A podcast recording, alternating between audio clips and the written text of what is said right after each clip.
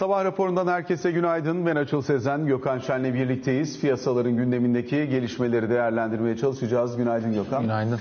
Yurt dışı piyasalarda aslında genel anlamda kararsızlığın devam ettiğini görüyoruz. Amerika'da sert bir resesyona gitme ihtimali mi, Fed'in faiz artırımlarına devam etme ihtimali mi, yoksa yeni bir bankacılık sektöründen kaynaklı problemle karşılaşma riski mi? Bunların arasında kararsız kalan, dalgalanmanın da yoğun olduğu bir süreç. Ee, Bir yandan işte şirket bazlı haberler var. Bugün piyasalardaki iyimserliği sağlayan haber akışından bir tanesi Alibaba'nın 6'ya bölünmesi. Bu şirketlerin bir bölümünün yeniden kendi ayrı yönetimleri çerçevesine kavuşması ve sonrasında da halka açılacakları yönündeki haber akışlarıydı.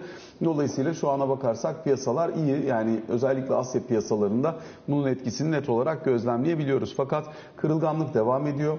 Likiditenin çok düştüğünü gözlemliyoruz. Diğer taraftan da e, ciddi şekilde e, mesela 2 yıllıkla 10 yıllık arasındaki Amerikan tahvil faiz farkının yükseldiğini de gözlemliyoruz. Yeniden 4-10'lara doğru gidiyor 2 yıllık. E, 10 yıllık tahvil faizine baktığımızda ise 3.55'ler civarında. Dolayısıyla giderek daha fazla bir resesyon korkusunun bono tahvil piyasasında bir öyle bir böyle fiyatlanmaya başlandığını da görüyoruz. Bir sonraki toplantıda Fed'in faiz artırım ihtimali %50 diyor swap piyasasına baktığımız zaman örneğin.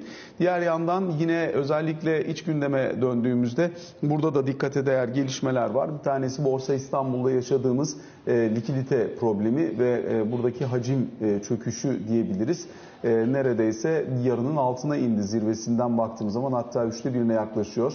E, büyük hisseler değil küçük hisseler yeni halka açılmış olan hisselerde çok ciddi anlamda e, hacimler gözlemleyebiliyoruz. Yani e, 809 milyon lira e, değer üzerinden halka açılmış olan şirketlerin bu büyüklükteki halka arzlardan sonra 5-6 milyarlık günlük hacimlere ulaştığını ama onun dışında başka bir yerde de çok fazla hareketi olmadığını, dolayısıyla likiditenin kuruduğu yerde de ciddi fiyat dalgalanmalarının, düşüşlerinin belki son 15-20 dakikaya bazen günün ikinci yarısına e, sığacak şekilde yaşandığına şahit oluyoruz. Dolayısıyla bir parça bunlara da bakacağız. E, Merkez Bankası'nın bilançosu e, ve işte genel kurul sonrasında ortaya çıkan gelir gider tablosunu bir miktar değerlendirebiliriz. E, kur korumalı mevduatla ilgili olarak e, maliyetin ne olacağı e, dün itibariyle e, netleşecekti bilançonun içinde nerede durduğunu görüyoruz da o kalemin içerisinde sadece kur korumalı mevduat maliyeti olmadığı için net rakam açıklanmamış oldu. Belki bir parça bundan da bahsederiz. Bir de tabii seçim sonrasında ekonomi yönetimi nerede olacak, kimde olacak, felsefesi nasıl olacak gibi sorular şu anda piyasanın da kendi kararını verirken e, zorlandığı yerler, alanlar bir parça bundan da bahsederiz. Önce bir çok hızlıca yurt dışındaki fiyatlamayı e, tamamlayarak üzerinden geçelim. Sonrasında yurt dışını daha detaylı konuşuruz. Özellikle bankacılık krizi, resesyon riski. Ee, işte yurt dışında herhalde e, Amerika ve İsviçre diye konuşup Avrupa'yı da peşine eklemek gerekiyor. Amerika'da gördüğüm kadarıyla, bu gördüğüm kadarıylanın içerisinde neler var onu biraz açmaya çalışayım. Amerikan Merkez Bankası'nın sağladığı likidite olanaklarından faydalanma hacimleri, işte insanların küçük ve orta ölçekli bankalardan, Moody'lerin e, para çekme hızları ve büyüklükleri, e, yine Amerika'da hisse senedi endekslerinin e, gördüğümüz haliyle spot piyasadaki fiyatları, yine bu bankaların CDS'leri ya da çeşitli risk göstergeleri, yani onların riskleri ne kadar açılmış kaliteli olan varlıklara göre buna bakmak gibi e, 4-5 tane baktığım yer var. İşte tabii bono oynaklık endeksi ve hisse senedi risk primi endeksi gibi işte VIX vesaire, vesaire gibi endeksler de var. E, işte doların e, durumu ki dolar değer kaybediyor. E, yine bonolardaki getiriler yani bunlar baktığım göstergeler. Dolayısıyla bu göstergelerden Amerika'da sürmekte olan bir bankacılık e, stresi sonucuna varamıyorum. Dolayısıyla da piyasada e, böyle gördüğü için zaten riskli varlıklardan çok da bir kaçışta bulunmuyor. Fakat şu ana kadarki yaşananların e, bankaların kredi verebilme kapasitesine halel getirdiği düşüncesiyle bunun da ekonomiyi yavaşlatacağı yönünde bir şey var. E, inancı var piyasanın. O bakımdan da bonolardaki getirileri bir 100 bas puan kadar aşağı doğru çaktılar. Ee, ve bunun da e, bir resesyon sinyali olarak alınması gerektiği kanaatinde piyasa. E, fakat hakikaten şu bankalarda yaşanan herhalde bir haftalık demek doğru olacak. Yani bir haftalık çalkantı ve işte iki tane, iki buçukuncu banka olarak da bir kripto bankasını sayabiliriz. Yani batması ya da el değiştirmesiyle e, kriz sonlandı gibi ya da belki bir kriz demek de e, doğru değil. Çalkantı diyelim. Çalkantı sonlandı gibi görünüyor. Şimdi tabii bunun devamı gelir mi gelmez mi? Bu konudaki e, düşünceler muhtelif. Eğer ki e, benim olduğum taraftakilerin düşündüğü gibi yani devamı gelmeyecekse o zaman resesyon tartışması e, muhtemelen bir kez daha yapılır. Yok devamı gelecekse o zaman zaten başka bir şey konuşulur. Şu ana kadar bankalara daha fazla garanti verilmesi, mevduatlarına vesaire filan bunlar gündemde Amerika'da. Bir yandan Fed'in bankalardan e, sorumlu yapısını idare eden işte bar, e, mecliste e, ifade veriyor. E, işte senatörleri, temsilcilere. Bir yandan tahkikat e, yürüyor. Dolayısıyla hızlıca işe el attılar gibi görünüyor. Yani 100 milyar doların üzerinde büyüklüğe sahip olan bütün bankaların yeniden gözetimden, denetimden geçirilmesi, bu bankalara stres testi uygulanması, eğer bunlara bir mevduat garantisi verilecekse bu garantinin büyüklüğünün ne olacağına dair tahlillerin, analizlerin yapılması vesaire gibi hakikaten çok hızlı hareket edilerek yapılmaya çalışılan bir süreç var. E tabii yani iyi bir tecrübe biriktirdiler orada 2008'den bu yana. Yani oradaki görüntü bu. Ee, İsviçre'de zaten e, çok uzun uzadıya konuştuk tekrarlamaya gerek yok ama yani demokratik standartların yani her şeyin çok üstünde bir yerde. E, piyasa koşullarının da e, oluştuğu yerin çok farklı bir yerine düşen bir enlem ve boylamda bu işi çözdüler. E, ileride ne olur bilmiyorum ama şu an çözüldü gibi görünüyor. Herhalde işte UBS'in başına yeni CEO da gelmiş. E, İtalyan herhalde. Sergio Ermotti. E, dolayısıyla e, bilinen de bir isim. Tabii. Yani O- bankacılık, Avrupa bankacılık sektöründe en bilinen isimlerden bir tanesi. Dolayısıyla hani bu büyüklüğü yönetir gibi düşünülüyor.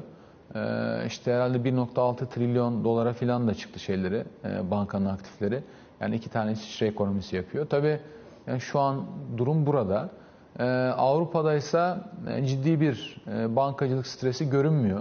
Sabah haberlerde yanlış görmediysem Unicredit'e hem ciddi bir e, temettü dağıtma e, izni verilmiş hem de yine yanlış görmediysem e, 3.3 milyar euroluk hisse geri alım programına da onay vermiş Avrupa Merkez Bankası. E Şimdi bana çok krizdeki bir En kırılgan olduğu düşünülen yerdeki en kırılgan olduğu düşünülen bankalardan Adam bir biri. tanesi. Yani bir banka görünümü vermiyor bu açıkçası. Yine birazdan Borsa İstanbul'daki likiditeyi konuşurken de konuşacağız ama hatırlarsan yani bu kriz patlak verdiğinde benim kafam bir türlü basmamıştı. Yani bu bana çok yapay bir kriz gibi görünüyor e, diye konuşmuştuk seninle. Hatta yani farklı mantalitedeki belki insanlar olsak ya bu hani dış güçlerin oyunu mu bunları kim yapıyor bu normal değil filan da denilebilirdi. Ee, çünkü bu kullanılabilen de bir şey. En son İsrail'deki gösterilerden sonra galiba Netanyahu'nun oğlu da kullanmış. Dış güçlerin oyunu bu e, filan diye. Yani çok yapay görünüyor. Cuma günü işte tek bir tek bir trade'le yani tek bir işlemle Deutsche Bank'ın kasko poliçesi olan CDS'lerin e, bir anda yukarı fırlaması ve piyasaya bundan sonra milyarlarca dolarlık satış gelmesi banka hisselerinden 30 milyar dolarlık e, piyasa e, değeri erimesinin tekrar üst üste gelmesi Sadece 5 milyon euroluk bir CDS trade değil o. bir tek bir işlemle oluyor. O bakımdan e, ya bu da piyasanın tabi yani hem bunun gerçek bir kriz olmadığını gösteriyor. Fakat bir kriz çıkarmanın da ne, Ne kadar kolay olduğunu kolay gösteriyor. olabileceğini de gösteriyor. E, çünkü tek bir işlemle 5 milyon euroluk e, yukarı doğru bir CDS çizimiyle beraber ki yani uzun uzadıya anlatmayacağım ama bu Avrupa borç krizinden sonra e, çok ciddi önlemler gelmişti e, bu CDS işlemlerine.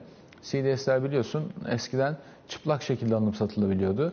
Yani herhangi bir e, firmanın çok büyük bir banka ya da sigorta şirketi her neyse bunun CDS'ini sen alıp e, satabiliyordun. Yani buradan şunu diyordum. Bunun kredi e, takasında risk yükselir ya da azalır. Fakat ne zaman ki bu CDS fiyatları çılgınca seviyelere varıp bankaları da batıracak hale ya da kendini doğrulayacak bir kehanet haline dönüştü. Sonra bunu çıplak alım satım yapmayı yasakladılar. Ancak şöyle dediler. Elinde hissesi ya da şeyi olan, bonosu olan e, o şirkete ait kişiler sadece kasko alabilir. Yani araban yoksa kasko alamazsın. Milletin kaskosunu speküle edemezsin e, diyerek kurallar getirmişlerdi. Yani piyasada olan bu. Ee, Bunun tabii bir resesyona yol açıp açmayacağını bilmiyorum. Ee, Ama mesela Avrupa'daki e, kredi akımlarına bakıyorum. Ee, Epeyce e, geriye dönmüş durumda. Problemli görünüyor. Çin'in açılması bir türlü e, tam olarak sağlanamadı ya da beklenen şekilde dünyada henüz bir etki yapmıyor. Rusya kaynaklı problemler var. Amerika'da da bu oluyor. Bir yanda tabii küresel oyuncular daha kötümser hale geldiler. Bir yandan da faizler çok yüksek. Ama dediğim gibi yani şu toz duman dağıldıktan sonra daha iyi tahmin yapılır. Şu haliyle bono piyasası çok hızlı bir e, resesyon korkusu ve faiz indirim döngüsü hesaplıyor ve fiyatlıyor ama e, enflasyonda ciddi bir gerileme görmezsek Fed bu kadar hızlı hareket etmeyecektir. Yani böyle detaylar da var. Zaten yine krizin ortasında da konuşmuştuk. Yani iş finansal e, krizi döndürmeye mi yoksa enflasyonu indirmeye mi gibi bir ikileme gidiyor diye.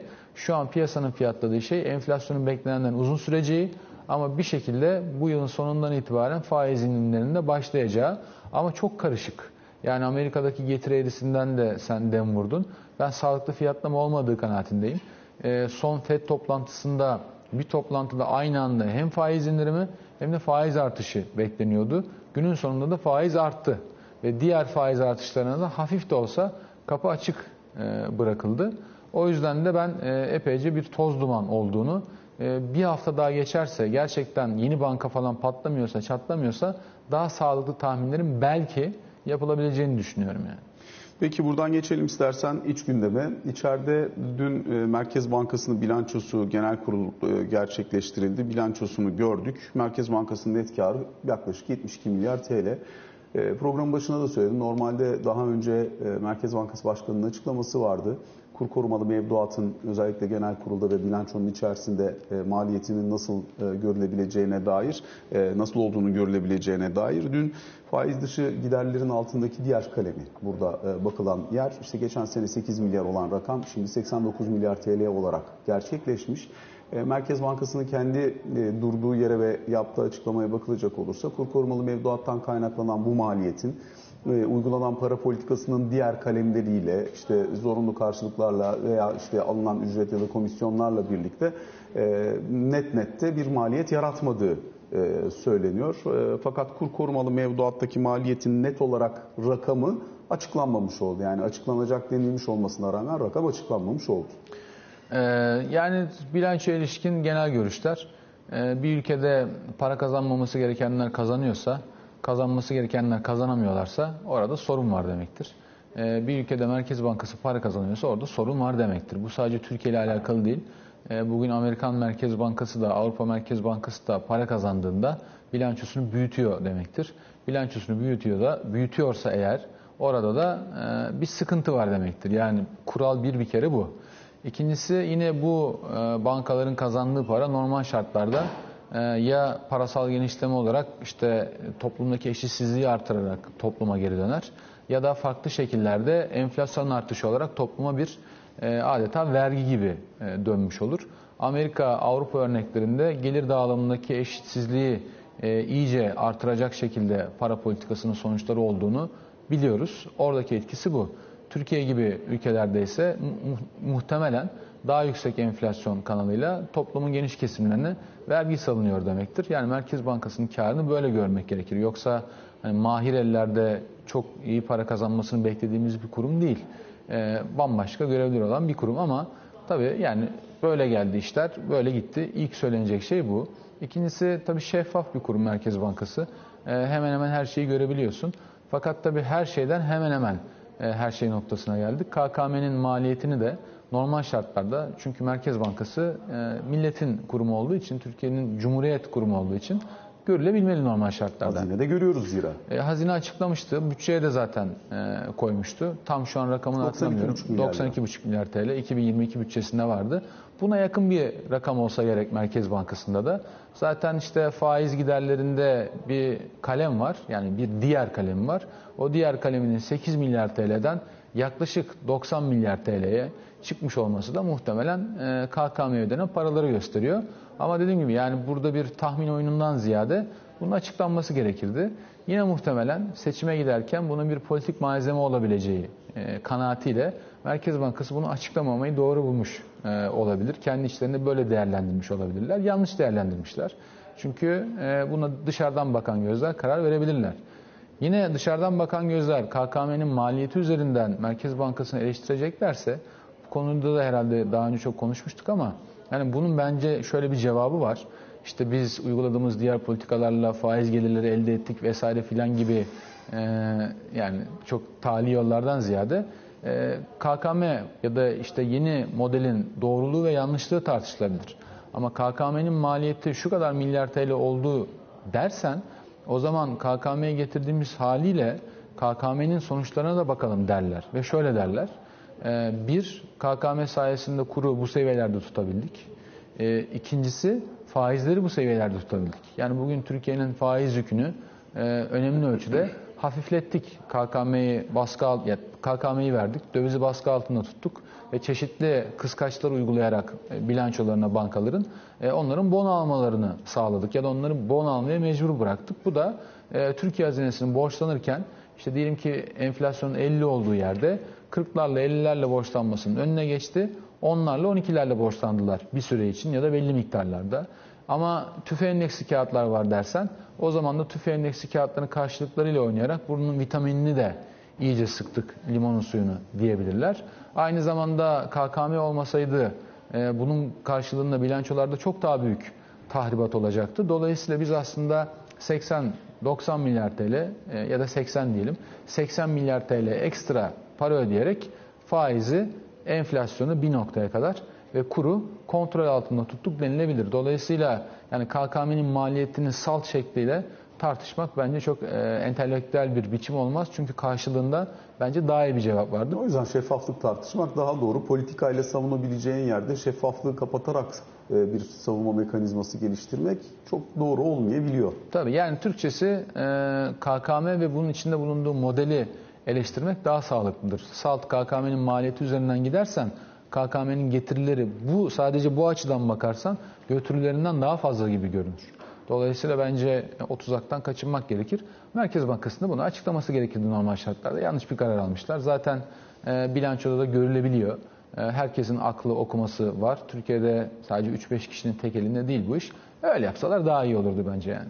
Peki bundan sonra tabii seçim sonrasında bu ekonomi yönetimi, ekonomi yönetimi felsefesi, ekonomiye bakış, bunların nasıl olacağıyla ilgili de bir şeyler duymakta fayda var artık herhalde. İktidar tarafı içinde, muhalefet tarafı içinde. E, çünkü zaten muhalefetin parçalı bir yapısı var. Dolayısıyla o yapının nasıl bir ekonomi yönetimine dönüşeceği konusu açıklığa kavuşsa hiç fena olmayacak. Buna göre politikalar ve buna göre atılacak adımlar anlaşılır. İnsanlar buna göre pozisyon alacaklarsa almayı tercih edebilir.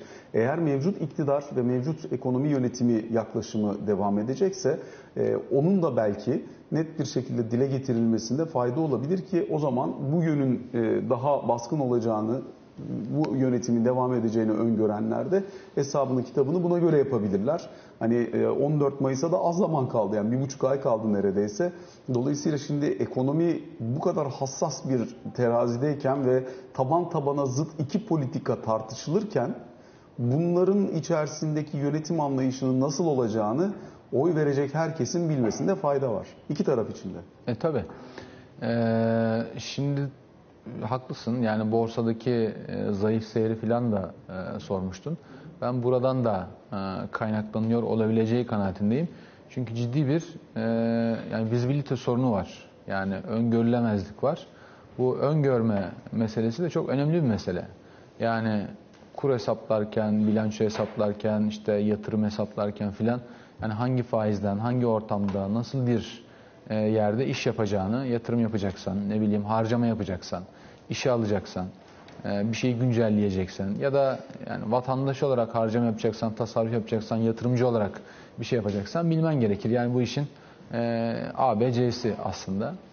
E, tabii kim gelir onu bilemiyorum. Ama kim gelirse gelsin bir değişiklik e, olacağı herhalde aşikar görünüyor. Yani e, Cumhurbaşkanı'nın Mehmet Şimşek'le görüşmüş olması, yani sadece Mehmet Şimşek'le görüşmüş olması anlamına gelmiyor. Aslında e, bir ekollü temsil ediyor. Yani o ekol nedir? E, eskiden hatırladığımız kadarıyla bütçeyi sıkı tut, mümkün olduğunca özelleştirme yap, devleti serbest piyasanın içerisinden mümkün olduğunca uzak tut, kurumları şeffaf ve güçlü yap, bildik yollarla para politikası uygula, ee, hani IMF'den uzak dur ama yani Washington konsensusuna da çok uzak durma ve mümkünse e, dış sermayeyle devamlı olarak e, münasebet içerisinde ol. İçeriye devamlı para gelsin.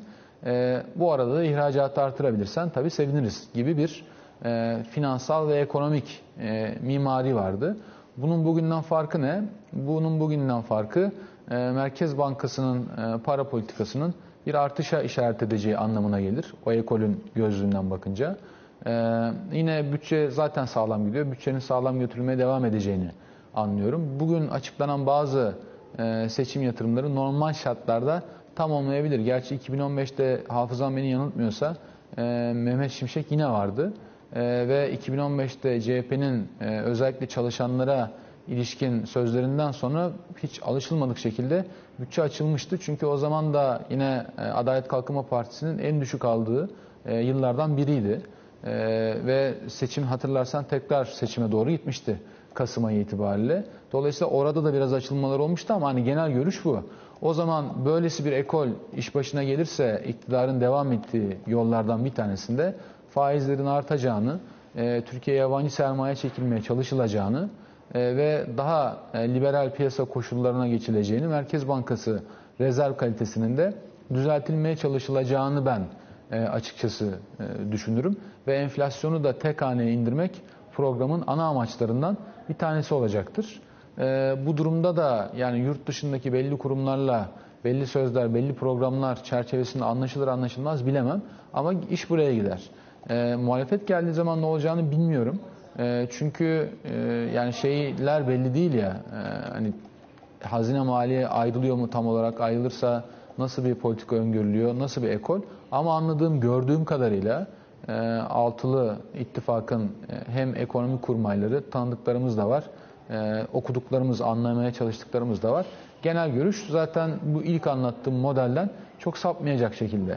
Yani faizler artacak, enflasyonu kontrol altına almaya çalışacağız. Mümkünse program açıklarız. Muhtemelen bu altılı içerisinde IMF'e kadar giden yolları düşünenler ya da düşünmeyenler de vardır. Ama ben iki program arasında çok majör farklar göremiyorum. Dolayısıyla aslında e, evet ciddi bir belirsizlik var. Çünkü kimin geleceği gelirse kimin de kontrolde olacağı belirsiz. Yani Şimşek ekol dedik ama Şimşek de işi kabul etmedi. Ama demek ki yani bu modelle bir tıkanıklık olduğu görülüyor ki o tarafa gidilmeye çalışılıyor diye düşünüyorum. Zaten Ama böyle mi yoksa hani seçim öncesinde daha önceden güven duyulan bir ismin e, orada görünmesi, işte yapının içerisinde var olmasına dönük bir hamle mi onu da bilmiyoruz. Yani mantığın, ekonomi yönetimi mantığının değişeceğine dair bir sinyal olarak mı almak lazım, seçime dönük bir hamle olarak mı almak lazım onu da bilmiyoruz. Ya şimdi yani bu özel işletmelerde de böyle, siyasi partilerde de böyle, ee, yani Türkiye genelinde en azından böyle. Yani patronun dediği olur. Dolayısıyla patron oradayken kişi değişiyor diye ana politika o kadar sapar mı bilmiyorum ama patron da A kişisi yerine B kişisini seçiyorsa e, onun da verdiği bir mesaj vardır. Değil mi? Yani o zaman ben de hani bunun böyle yapılmasını istiyorum demiş olursun. O bakımdan e, hani patronun e, kendi dünyası içerisinde ama belli değişikliklerle işin gideceğini ben anlıyorum. Dolayısıyla sadece bir seçim sinyali olamaz. Yani ne yapacaksın? Hani getirip iki ay sonra da teşekkür edecek halin yok. Yani o da gelecek bir şeyler yapacak. Onun yapacağı bir şeyler de daha önceki e, yapan kişinin yaptıklarından sapacak muhtemelen. Yani buradaki hikaye bu. O yüzden e, kişiden bağımsız böyle bir istek varsa bu daha ortodoks politikalara, bilindik politikalara dönüleceği anlamı taşır. Ekonomi politikalarından e, bahsediyorum. Öbür tarafta fikirler zaten burada toplanıyorsa aslında bugün belirsizlik diye gördüğümüz şey muhtemelen seçim yaklaştıkça daha e, belirgin hale alacaktır. Bunun da ben tüm e, Türkiye vatandaşlarına faydalı olacağı kanaatindeyim. Çünkü normal şartlarda e, bir ülke vatandaşının, seçmenin sandığa gittiğinde normal şartlarda diyorum. Yani bakması gereken ya bir ya da iki numaralı e, konu ekonomidir. Fakat biz şu ana kadar ekonomiye ilişkin bir şey duymadık. Ee, ya bir şeyler duyduk ama gerçek anlamda bir bütün olarak duymadık. Vergi politikasıdır. Ee, yani işte maaşlarla devamlı oynamak, e, bunun bir devamı olmadığını vatandaş da farkında. Mesela 2-3 sene önceye dönelim. Türkiye'de enflasyon tek haneyken aldığı asgari ücreti hatırlayanlar bugün o berekete sahip olmadıklarını görebiliyorlar. Aldıkları para buna göre çok azdı. Ee, bugün belki kat be katı para alıyorlar. Fakat aynı işleri yapamıyorlar. Aynı harcamaları yapamıyorlar. Onlar da farkındalar. Dolayısıyla bu vergi politikaları, ekonomi politikaları nasıl olacak? E, bir vatandaş olarak şahsen benim ilk baktığım yerlerden olacaktır. Herhalde seçimden önce bir şey duyarız diye düşünüyorum. Peki şimdi sürenin sonuna yaklaşıyoruz ama bir de çok hızlı borsadaki hacimsizliği bir, bir buçuk dakika içinde konuşalım. Yarın biraz daha detaylı olarak da belki üzerine değerlendirme yapabiliriz. Gerçi yarın sen olmayacaksın ama konuklarımızın üzerinden Biz yine de değerlendiririz. Ee, özellikle hacimsizlik inanılmaz yerlere geldi. Sadece yeni halka açılmış olan şirketlerin üzerinden dönen bir hacim var. Kalmadı hacim ve çok ciddi boşluklar oluşuyor fiyatlamada.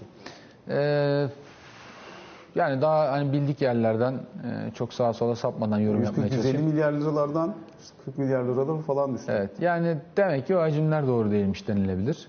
Ee, bu belirsizlikten e, ötürü bir isteksizlik var denilebilir. Yabancıların ben e, hem bono tarafı için hem hisse tarafı için e, çok ciddi e, görüşmeler yaptıklarını biliyorum.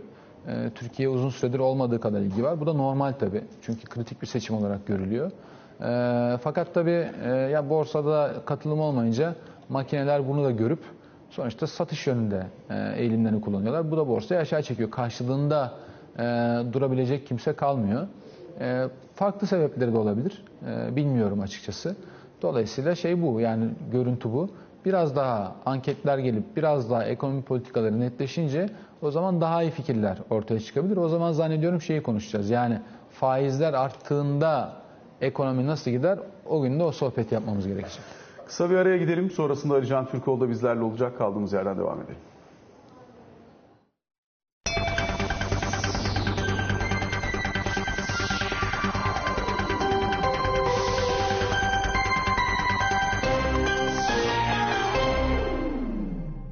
Sabah raporunun ikinci bölümünde Ali Can Türkoğlu ile birlikteyiz. Ali Can günaydın. Günaydın. Siyaset ve seçim gündemi tüm hızıyla devam ediyor. Bu hızın içerisinde bir e, Muharrem İnce Kılıçdaroğlu görüşmesi var. İyi Parti'den Ağır Alioğlu'nun istifası ve buna ilişkin süreç var. Dün Erdoğan Erbakan görüşmesi var. Dolayısıyla nedir eldekiler? Şimdi bir kere e, bugün 17'de yapılacak Kılıçdaroğlu İnce görüşmesi önemli. Dün de biraz konuşmuştuk ama tekrarlamakta fayda var. Çok sıkışık bir takvim var şu anda.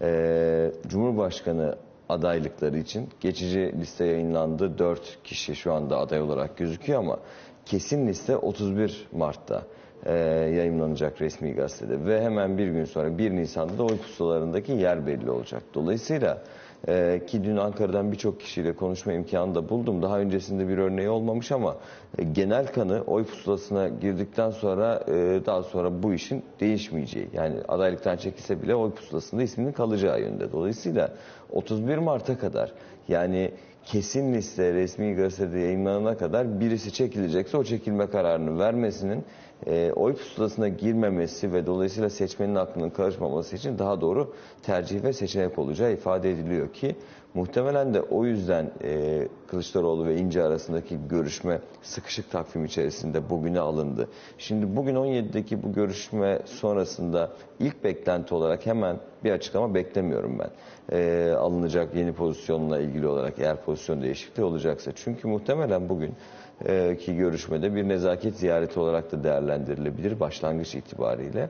Ancak hem bu toplantıda belki hem de daha sonrasında gerek isimlerin kendi aralarında yapacakları başka bir toplantı ya da belki kurmaylar arasında yapılacak toplantıyla bu 31'ine kadar çekilip çekilmeme konusunu daha detaylı konuşulacağını düşünüyorum. Dolayısıyla bu bugün evet ilk görüşme gerçekleştirilecek belki ama bugünkü görüşmeden hemen sonra özellikle e, Kemal Kılıçdaroğlu'nun lehine çekilme gibi bir açıklamanın gelmesi beklenmiyor Ankara'da. Ama 31 Mart'a kadar yürütülecek görüşmeler, belki yapılacak e, farklı e, temaslarla e, sürecin daha net anlaşılabileceği ifade ediliyor. Dolayısıyla Kemal Kılıçdaroğlu'nun veya Millet İttifakı'nın ortak adayı lehine Muharrem İnce bu iki gün içerisinde, üç gün içerisinde 31 Mart'a kadar çekilir mi, çekilmez mi? O zaten takip edilecek ama bu görüşmenin yapılıyor olmasının bile önemli olduğu ifade ediliyor. Ee, onun dışında sen de söyledin Cumhur İttifakı tarafında da görüşmeler var. Yani dün Erdoğan Erbakan görüşmesi. Üzerine e, Milliyetçi Hareket Partisi'nden yapılan yazılı açıklama. Ki dünkü Kendi e, kendi adaylarımızla göre. gireceğiz diyor MHP. Aynı açıklamayı yeniden Refah Partisi de yaptı. Fatih Erbakan da yaptı görüşme sonrası. Büyük Birlik Partisi de daha öncesinde yapmıştı. Yani Cumhur İttifakı'nı oluşturan dört siyasi parti de şu anda yapmış oldukları açıklamalarda ortak listeyle değil, kendi adaylarıyla seçime, tüm seçim çevrelerinde gireceklerini beyan etmiş durumda. Bir tek Hüdapar ki zaten Cumhur İttifakı içinde değil. Onlar resmen değil. Ee, onlar e, AK Parti listelerinde aday olacaklarını söylemişlerdi. Ancak yeni sistemle beraber süreç o kadar e, belirsiz bir halde ki illerdeki e, seçmenin davranışına göre veya daha önce verilen oylara göre bir düzenleme hesaplama yapıldığında şimdi Millet İttifakı'nın birçok ilde ortak listeyle gireceğini biliyoruz ki bendeki bilgiye göre Cumhuriyet Halk Partisi ile İyi Parti kendileri 10 ila 15 ilde zaten iki siyasi parti birbirlerinin listesinden seçime girecekler. Onun dışında her ne kadar daha belli olmasa da ittifak içi ittifak dediğimiz Saadet Partisi, Deva Partisi ve Gelecek Partisi'nin de kendi içlerinde bir e, yeni ittifak oluşturup bazı illerde e, çatılar altında seçime gireceği ifade ediyor. Çatılar altında dememin sebebi de şu. Hangi ilde hangi siyasi partinin çatısı altında girecekleri daha belli değil ama e, düşünce belli. Bazı illerde bu üç siyasi parti, o ilde hangi siyasi parti güçlü durumdaysa bazı illerde Saadet Partisi, bazı illerde DEVA, bazı illerde gelecek olacak gibi gözüküyor. O partinin e, amblemi altında e, seçime girecekler. Dolayısıyla biz e, uzun bir süre e, ittifaklar arasındaki partilerin bu görüşmelerine tanıklık edeceğiz. Uzun bir süreden kastım 9 Nisan. 9 Nisan'da Yüksek Seçim Kurulu'na milletvekili aday listelerinin sunulması için son tarih o zamana kadar göreceğiz. Dolayısıyla Cumhur İttifakı cephesinden dün yapılan e, kendi listelerimizle seçime gireceğiz açıklaması önümüzdeki günlerde bir takım değişimlere de uğrayabilir. E, çünkü bu dediğim gibi hem ittifakların kendi içinde verecekleri karara hem de yapılacak hesaplamalara göre değişiyor. Dolayısıyla evet bugün önemli. Kılıçdaroğlu ince görüşmesi açısından Ağralioğlu'nun istifası da zaten beklenmeyen bir süreç değildi. Özellikle e, HDP'nin aday çıkarmaması, e, Millet İttifakı'nın adayı olarak Kemal Kılıçdaroğlu'nun gösterilmesi süreçlerinde İyi Parti içerisinde çok net ve sert bir şekilde muhalef muhalefet eden bir isimdi. E, bugün olacaktı aslında istifası Genel Başkan Akşener'le görüştükten sonra ancak dün açıklamayı Mehmet Akif'e yaptıktan sonra biraz daha erken alınmış durumda. Teşekkür ediyoruz Alican. Böylelikle sabah raporuna son noktayı koymuş oluyoruz.